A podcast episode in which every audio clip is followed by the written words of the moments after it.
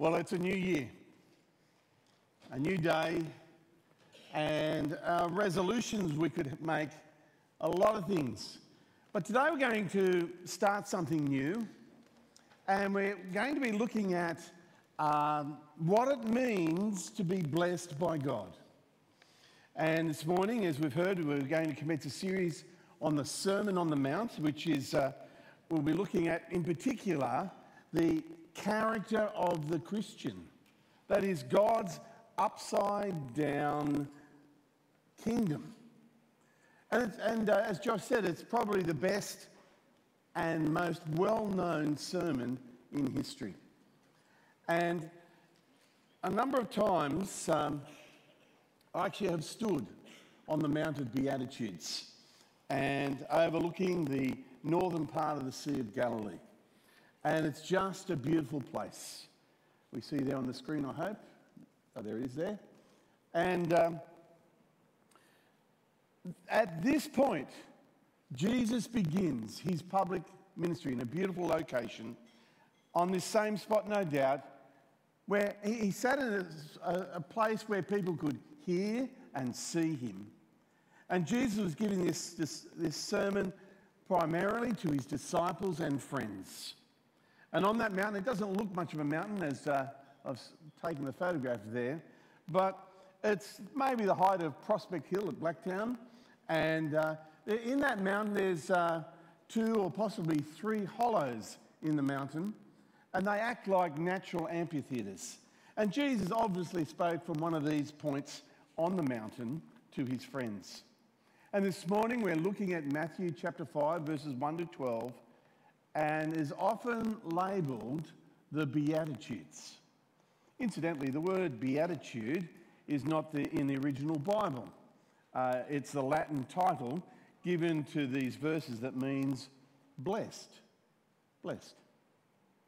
Before um, we have to have a look at this passage, it's important to see uh, and put Jesus' teaching in its context.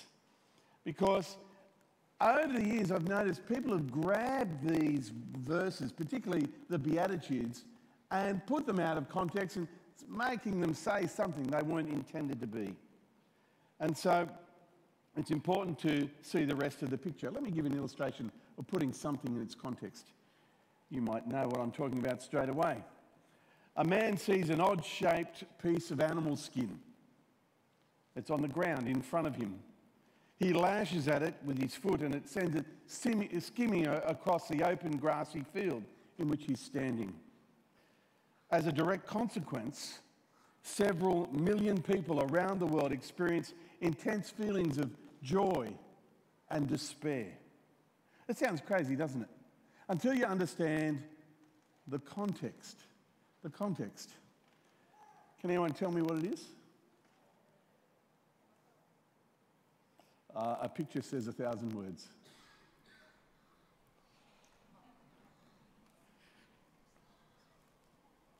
An open grassy field is a soccer stadium.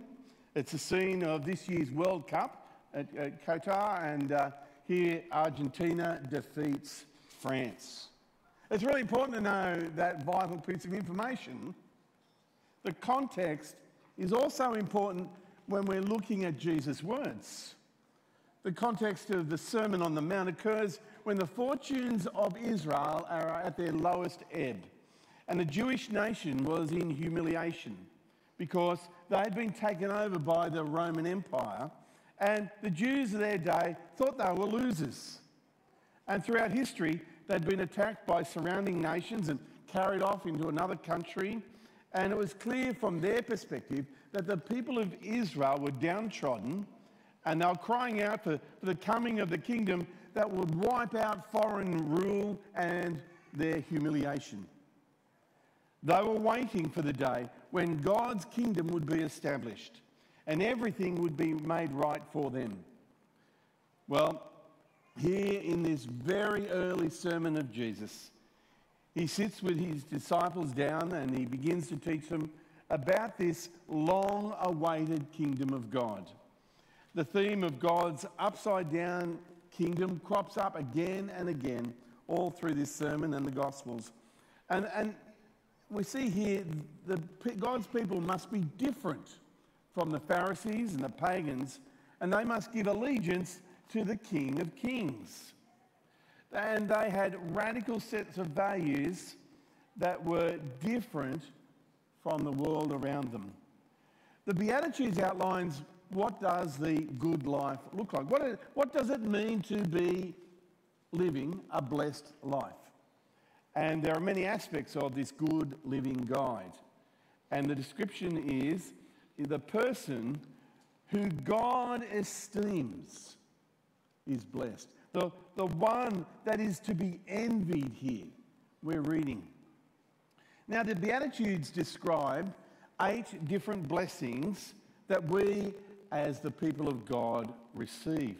Now, these eight different descriptions are not eight different people at all. Rather, they're a summary of, uh, you, know, uh, you know, of what it looks like the one person.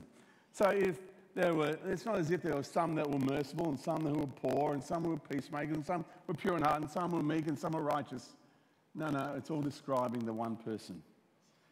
And today we're going to focus on the first blessing of the Beatitudes, which I actually think summarizes the others. And, and may I encourage you, um, because I'm only looking at the first of the eight, maybe uh, this week you could go and pick up your Bible and read and reflect upon those other seven blessings uh, that God has given to us in this passage. So, well, let's look at the first. We see in Matthew chapter 5, verses 1, verse 1. Now, when Jesus saw the crowds, he went up on a mountainside and sat down. His disciples came to him and he began to teach them, saying, Blessed are the poor in spirit, for theirs is the kingdom of heaven.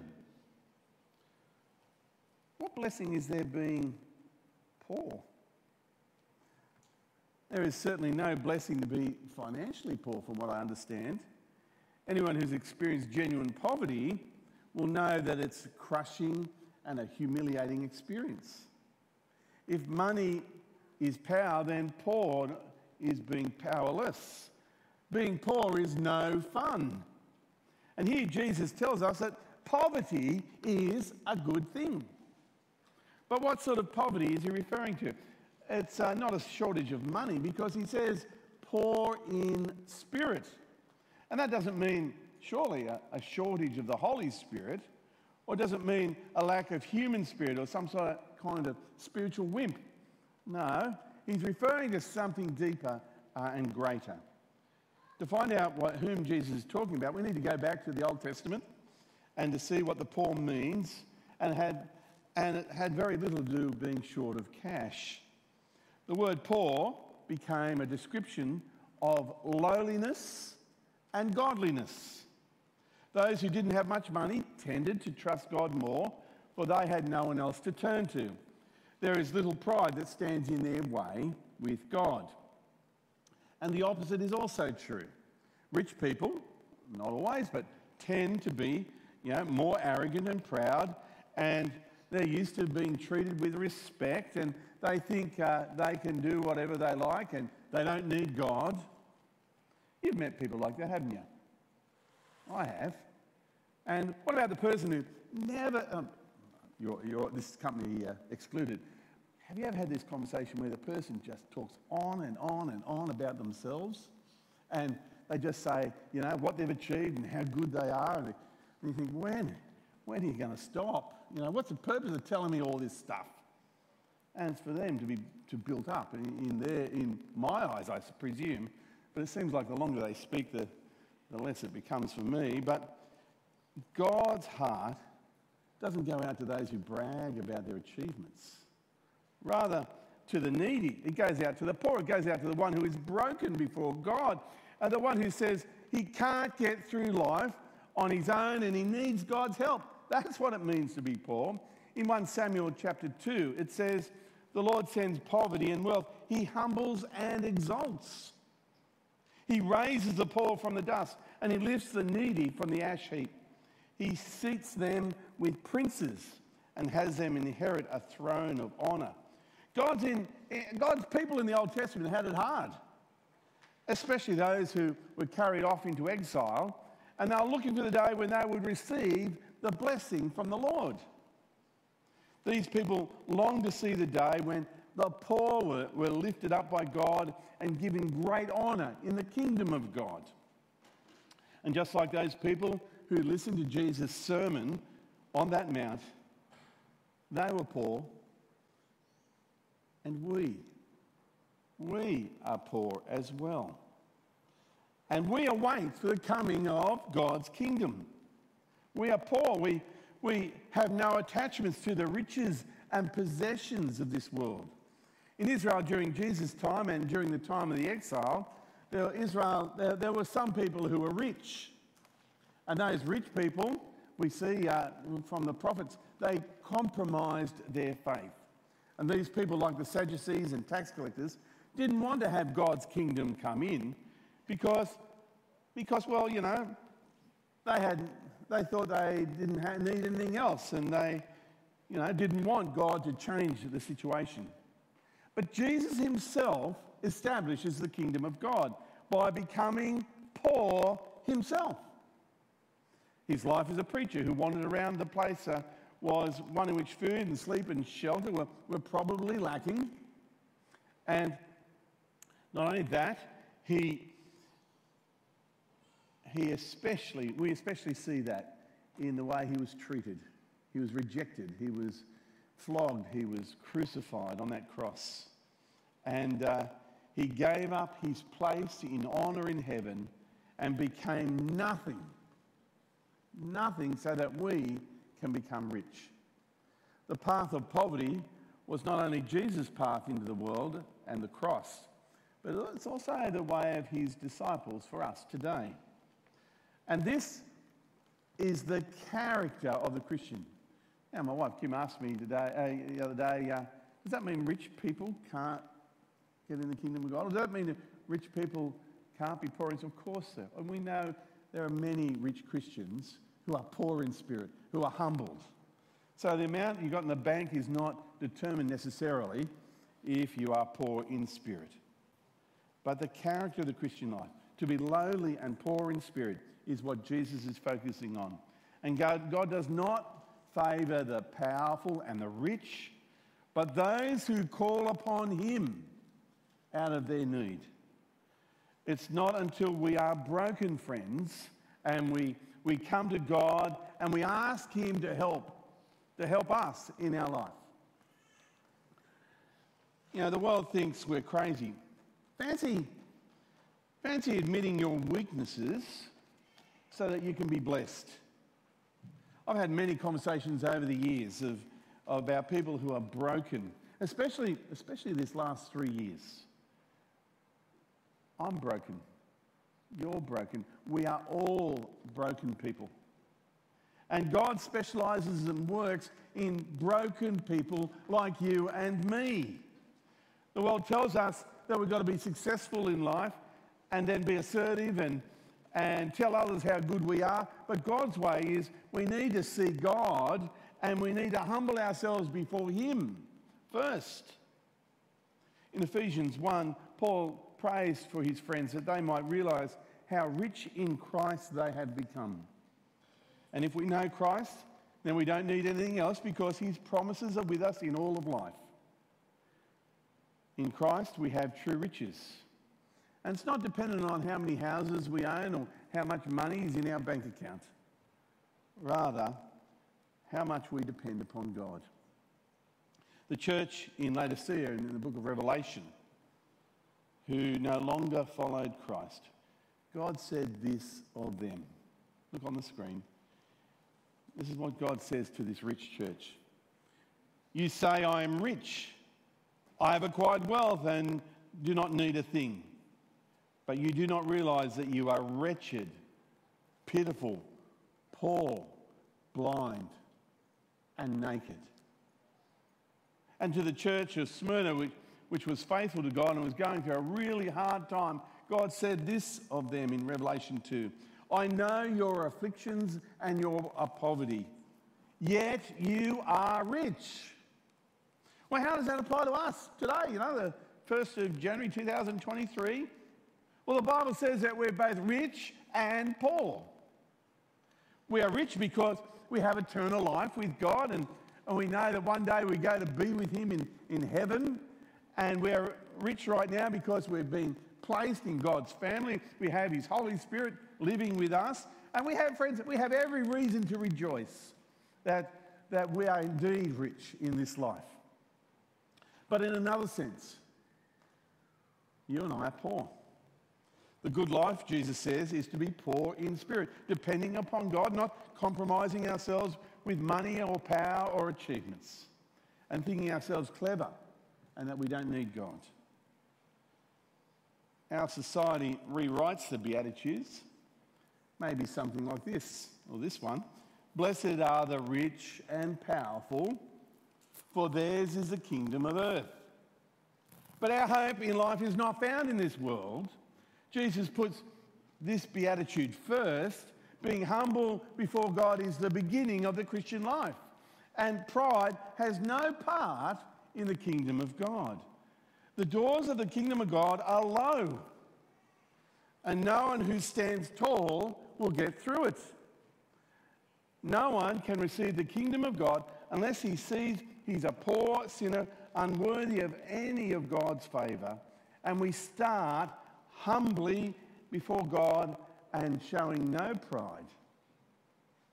Many people, unfortunately, some Christians included, don't want to hear that word.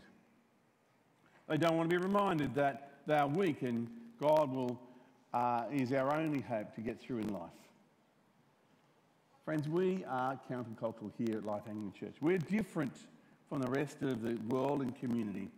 We are humble, we are poor, and we are in need of God. The Church of the, the Nativity in Bethlehem.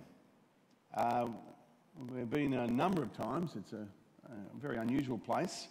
The uh, Church of the Nativity was not demolished uh, just after the Crusades. It actually still is there. And it's this huge, huge church or basilica. And uh, it, um, it is said, and we don't know if it's true or not, but it's said this is the place where Jesus was born. This particular church is at least six or seven times, maybe more, larger than this building. It holds about at least 2,000 people. It's high and impressive building, but there's something, something unusual about this building. I, I need, need, to highlight as, uh, as you, if you ever have the privilege of going there. The main entrance to this building is very small. You see there on the screen? That's the main entrance of this huge church. Now, you can't come into this church in a procession. A conquering general could not ride in on a horse. You can't even walk straight as you come into this enormous church. You have to duck your head. And I, on many occasions, have gone there. Of all people, had to duck my head more, uh, being taller than most. But you have to bow your head. You have to humble yourself. Humble yourself like Jesus did. And the first steps we need to be to understand to be blessed is to be humble and poor in spirit. And that means we take our eyes off ourselves and look to God. The more we know, love, and enjoy God, the more humble we become. Now, I want to conclude here by saying We want 2023 to be a blessed one, don't we? We want to move on from the past, don't we? And how, how are we going to really move on here? Friends, we need to humble ourselves. We need to humble ourselves before our great God and see the wonderful things that He's doing in our lives. And when we, when we humble ourselves before Him in, in 2023, friends, we will truly be blessed. If your New Year's resolution is to grow to be more like Jesus, then come on your knees to Him and call upon Him to help you. That's the blessing. That's the happy new year we look for. And may that be for all of us here today. Well, let me pray. Heavenly Father, you are a great and holy God, and you are worthy of our wonder and our praise. And Lord, we ask that you'd help us in this new year not to seek after popularity or recognition or status or power or even money, where it gets in the road of our relationship with you. Lord God, we ask that this year, 2023, that you'd help us to be poor in spirit so that we can come to you as the one who saves us and helps us. And right now and all through this year, Lord, would you please help us to be grateful and even though things might be tough, that we might experience your connection, your comfort, and your power and salvation. And we pray this in Jesus' name. Amen.